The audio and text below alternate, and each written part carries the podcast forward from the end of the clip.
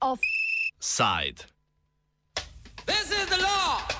Chapter 1. The law. V petek se je po enem mesecu končala javna razprava o spremembah zakona o nalogah in pooblastilih policije.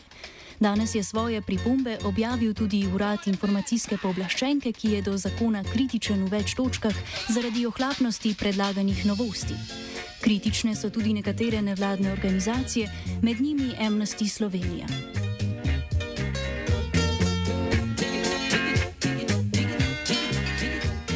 Napovedana cilja sprememb sta učinkovitejše policijsko delo in uskladitev določb s pravnim redom Evropske unije. Med nove predloge spadajo nova pooblastila za uporabo tehničnih sredstev, kot so droni ali pa tehnologije za lociranje mobilnih telefonov. Predlog poskuša že drugič uvesti avtomatizirano registriranje avtomobilskih tablic ter širi dovoljenje za pridobivanje biometričnih podatkov. Prav tako dovoljuje stalen video nadzor nad nekaterimi javnimi površinami. Med ponavljajočimi se kritikami predlogov se znajdejo nejasnost napisanega in nedorečene definicije pojmov, kar bi lahko pripeljalo do zlorabe naših osebnih podatkov.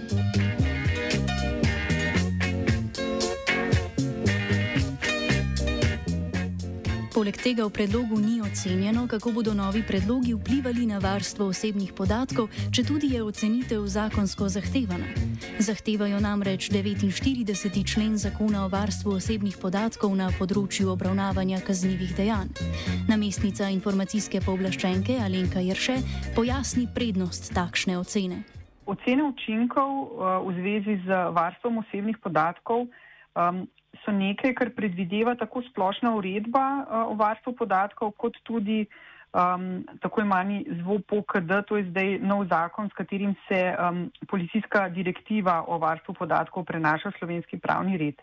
In oba dva torej predvidevata, da se v primerih, ko gre za uh, obdelave podatkov, ki imajo resne posledice, bodi si zaradi množičnosti ali pa zaradi občutljivosti podatkov, ki imajo resne posledice za posameznika, da se naredi neke vrste analiza, s katero se po eni strani ugotovi, kaj bodo pravne podlage za obdelavo, ko pa gre za pripravo um, zakonov, ki take pravne podlage določajo, se pa seveda naredi presoja, katere podatke je dejansko potrebno obdelovati za nek namen, kakšna so tveganja v zvezi s tem, kakšne bojo neke varovalke, omejitve, s katerimi se bo čim bolj skušalo preprečiti ali pa omejiti tveganja. In ko gre za obdelave podatkov strani organov pregona, je to še toliko pomembneje, kajti če nek zakon opredeli uh, neko obdelavo podatkov kot možno in obvezno, je seveda pred takjo sprejemom takega zakona smiselno tako oceno učinkov narediti, da se že zakonom ustrezno opredeli uh, um, po eni strani osko omeji primere, naprimer, ko gre za uh, obdelavo biometričnih podatkov, um, namene, ko je taka obdelava dopustna, hkrati pa, da se ustrezno predvidi in omeji neka tveganja. Nadaljujemo s širšo uporabo tehničnih sredstev, ki jo napoveduje predlog zakona. Med temi sredstvi je tehnologija za lociranje mobilnih naprav namenjena iskanju pogrešanih oseb. Blaž Kovač iz Amnesty Slovenija izpostavi nedorečenost izrazoslovja, ko novi predlog govori o upravljanju tehnologije za iskanje pogrešanih oseb, torej o sledenju mobilni številki pogrešane osebe. En mali košček, na katerega smo upozorili, je rahla nedorečenost uporabe tehničnih sredstev za lociranje mobilnih naprav, ne, če gre za pogrešano osebo. Um, seveda, policija mora imeti sredstva, da pogrešano osebo najde, ampak je rahlo nespretno napisano in se lahko razume tudi tako, da bi policija v iskanju neke pogrešane osebe zajela cel kup nekih mobilnih telefonov ne, in se da to tudi zlorabiti. Tukaj gre za v bistvu sledenje telefonov pogrešene osebe, ne, recimo, da se nekdo izgubi in se ga potem pač uh, išče, ne, ampak mi v zakonu pogrešamo malce več varovalk, uh, da se to fokusira res samo na telefonsko številko tega posameznika, ne, ne, ne pa da bi šlo za nek širok zajem um, vseh oseb, ki so pač v nekem področju. Predlog dovoljuje izvajanje stalnega video in audio nadzora nekaterih javnih površin. Te opredeljuje kot varnostno tvegana območja, pri čemer ni jasno, kaj natanko to pomeni. Jer še predstavi novi predlog in njihove predlagane izboljšave. V zvezi z predlogom za uh, stalen audio in video nadzor določenih javnih površin je problematično zlasti to, um, da v delu ni jasno opredeljeno, katere javne površine bi to lahko bile, kajti zakon govori o območjih kritične infrastrukture in varnostno tveganih območjih. Med ta varnostno tvegana območja, ki jih zakon ne opredeljuje, pa lahko sodijo tako glavni trgi, mestne ulice, skratka kraj, kjer se množično zbiramo ljudje in kjer bi takšen stalen audio in video nadzor, se pravi, če si predstavljate, da bi nas stalno snimali, kaj se pogovarjamo, kaj počnemo, uh, zelo resno posegali v številne pravice posameznikov, od pravice do svobodnega in neovirenega zbiranja in združevanja, pravice do tajnosti komunikacij, ne nazadnje.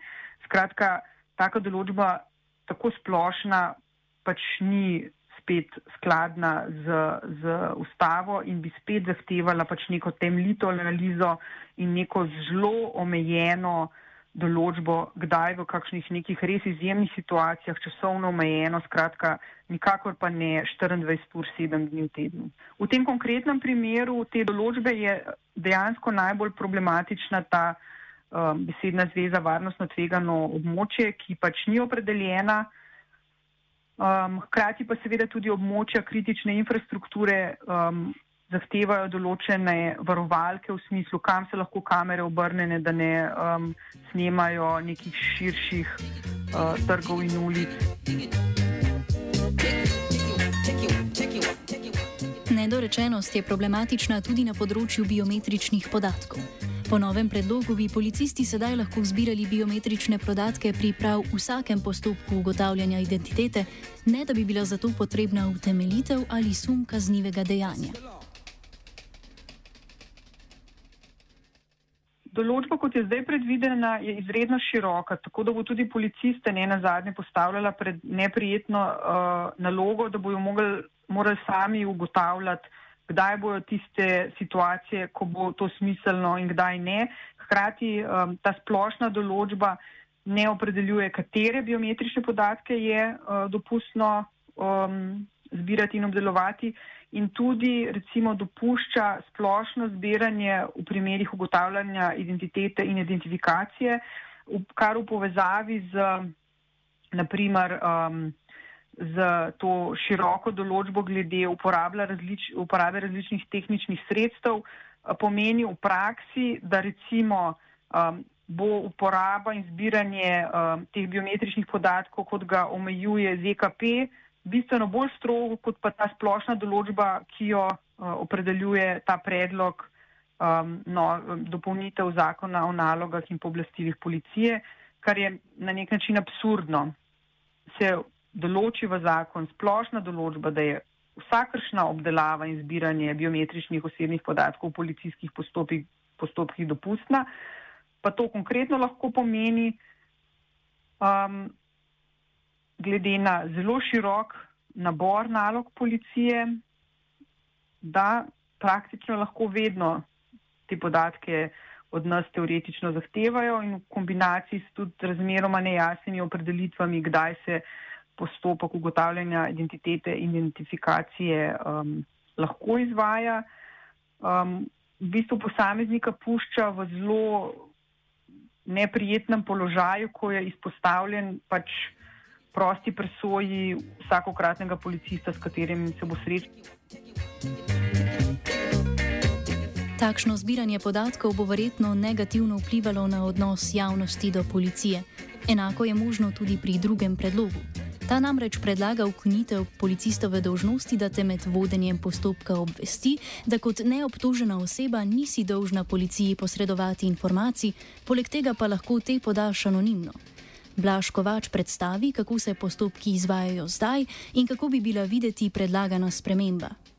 Gre za to, da ko zdaj policisti zbirajo obvestila, ne recimo, da gre za neko kaznivo dejanje, nekdo nekaj ukrade in potem zbirajo obvestila, recimo po vaši, policisti pač pridajo vem, do sosedov in pač pojasnijo, da je njihovo sodelovanje prostovoljno, anonimno in da če se bojo pogovorili z njimi. Ne. In pač posameznik potem reče, aha, ok, želim, da sem anonimen, bla, bla, bla, ne, in se postopek spele. Um, še vedno bo to zdaj v zakonu, če bo ta predlog sprejet tako, kot je, ne, še vedno bo to v zakonu, ampak policisti ne bojo več tega povedali. Kar pomeni, da ljudje, posamezniki najverjetneje zjutraj ne berejo uradnega lista, ne, um, se ne spoznajo tok na pravna pravila in ne bojo vedeli, da so lahko anonimni in pač bojo sodelovali v teh postopkih z imenom primkom. Ne. Samo po sebi to ni nič narobe, vendar lahko koga kdaj odvrne od tega, da bi sodeloval ali pa ga spravi v kakšen nelagoden položaj. Ne bom zdaj rekel, da gre za neko varanje državljanov, ampak mi ne vidimo razloga, da se to zdaj briše um, ker policija si bo spoštovanje pri državljanih zaslužila ne, um, in more pač uh, delati na temu ne, in menimo, da črtanje tega pač nima smisla. Rajš bi imeli strokovno usposobljeno in dobro policijo, um, kjer bi v bistvu vsi zaupali in bi vsi sodelovali z njo. Predlog bi policiji omogočal tudi večji nadzor nad osebnimi podatki varovanih oseb. To so osebe, ki jih varuje policija, naprimer predsednika vlade in države, ter po nižni prioriteti predsednika državnega zbora in nekatere ministre. Policija naj bi torej preverjala, kdo vse je dostopal do njihovih osebnih podatkov, naprimer zdravstvene evidence ali davčnih podatkov. Gre spet za um, razmeroma nejasno določbo ki po eni strani govorijo celo o vseh uh, uradnih evidencah, potem pa v tretjem odstavku nekatere evidence še vedno izuzema, kot uh, da jih navaja. Bistveno pri tej določbi je zlasti to, da gre za neke vrste dvojni nadzor nad delom um, pač upravljalcev organov, uh, ki vodijo takšne evidence se pravi, da bi dejansko policija bila obveščena o imenu in priimku ter pač upravljalcu, ko bi dostopal do podatkov uh, teh posameznih varovanih oseb, za katere bi bilo to opredeljeno. Um, med temi evidencami so navedene tako evidence um, FURSA, evidence SPIZA, evidence ZZZS. Skratka, gre za neke vrste dvojni nadzor. Um, Namen take, takega nadzora je, um, kot navaja predlagatelj, da pravočasno um, se seznani policija, ko varuje te osebe, da nekdo želi dostopati do teh evidenc, ampak tveganja, um, glede na način, kako to zakon um, opredeljuje, so pa predvsem v tem, da po eni strani s tem policija dvojno nadzoruje lahko vse te upravljalce, te organe. Um, hkrati pa so te osebe pod stalnim nadzorom, se pravi, ne vem, ko gre zdravniku, če vnese nekdo, ko dobijo vsak prejemek, ko vnese spis, nek prijavljen dohodek. Skratka, uh, spet bi bilo treba narediti neko temeljitejšo presojo, kdaj je to smiselno, a je to smiselno narediti na način, da upravljalec obvesti policijo, za katere evidence, se pravi za nek ozek nabor evidenc, nikakor ne kar za vse. Um, da pa bi policija stalno nadzorovala vse evidence za te varovane osebe, bi bilo pa izredno problematično, ker bi to pomenilo, da policija posredno nadzoruje, če bi govorilo o vseh evidencah, ne vem, ustavno sodišče, um, informacijskega poblaščenca, varoha človekovih pravic, komisijo za preprečevanje korupcije. Amnesty opozarja tudi na manjšo neodvisnost policije od Ministrstva za notranje zadeve. Po novem predlogu ima ministrstvo namreč pravico sprožiti disciplinski postopek proti policistu. Kovač pojasni, zakaj je to sporno. Torej, eh, mi smo mislili na to, da delodajalec nekemu policistu je seveda policija, ni ministrstvo. Ne? Predlog zakonodaje pa zdaj uvaja možnost, da bo v določenih primerjih ministrstvo lahko dobesedno zahtevalo, kdaj se zoper enega policista ali pa policistko uvede disciplinski postopek. Um, tu se ruši ta neodvisnost. Ne? Policija je organ v sestavi, ne? na nek način je del ministrstva, ampak v resnici ni, ne? ker mora biti neodvisna od politike. In to se nam zdi dosti nevarno, da se ministrstvo daje možnost dobesedno zahtevati disciplinske postopke zoper policiste in policistke, ker veste, za to mora poskrbeti vodstvo policije, ne? zato je tam in zato tudi odgovarja. Kar se tiče policije in njenih notranjih postopkov, novi predlog zakona omogoča tudi uporabo detektorja laži nad policisti v notranje varnostnih postopkih. Policisti bi lahko s poligrafi preiskovali svoje kolege z delovnih mest, ki so posebej izpostavljeni zlasti tveganjem korupcije ter izdaje tajnih in varovanih policijskih podatkov. Sprememba je, da je bila do sedaj uporaba poligrafa dovoljena samo, če je bil policaj osumljen kaznivega dejanja. Sedaj pa bo poligraf lahko uporabljen tudi preventivno, torej za zmanjšanje tveganja za krnitev integritete uslužbencev policije.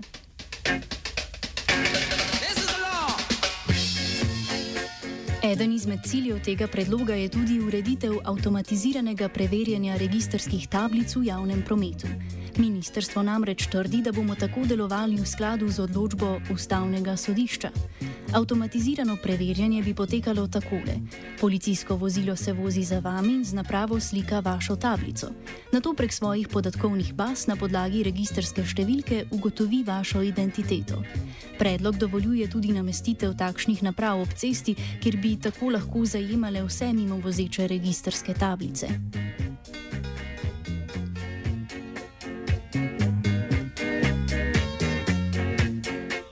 Je še predstavi dosedanja poskusa Ministrstva za notranje zadeve za avtomatizirano preverjanje registerskih tablic v javnem prometu. Um, gre za poblastilo, ki ni novo, ki ga je um, zakonodajalec uh, že enkrat predlagal v zakonu in o katerem je um, stavno sodišče uh, že presojalo. Uh, in v tem konkretnem uh, primeru, um, ki ga zdaj no, pač ponovno uh, želi predlagatelj uvesti z spremembami ZNP-pol, je to pooblastilo, po s katerim je že bilo veliko govora, ponovno uvedeno na pomankljiv način. Ta ocena učinkov, uh, ki je predstavljena um, predlogu zakona, uh, ponovno ne analizira uh, vseh vidikov, na katere um, je in tudi informacijski poblaščenec uh, na katere že uh, opozarjal. In zato v tem delu uh, težko govorimo spet o tem, kar, na kar se vedno znova vračamo, se pravi, da je zakon dovolj določen in dovolj sorazmeren. Odgovornost za razjasnitev pojmov, ki so nejasno opredeljeni, ter za omejitev trenutno preširoko zastavljenih policijskih pooblastil, je sedaj v rokah Ministrstva za notranje zadeve. Predloge posegov v zasebnost sta raziskala Geja in Gal.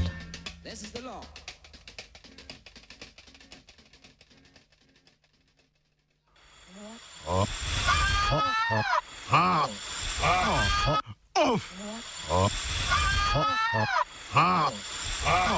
Offside.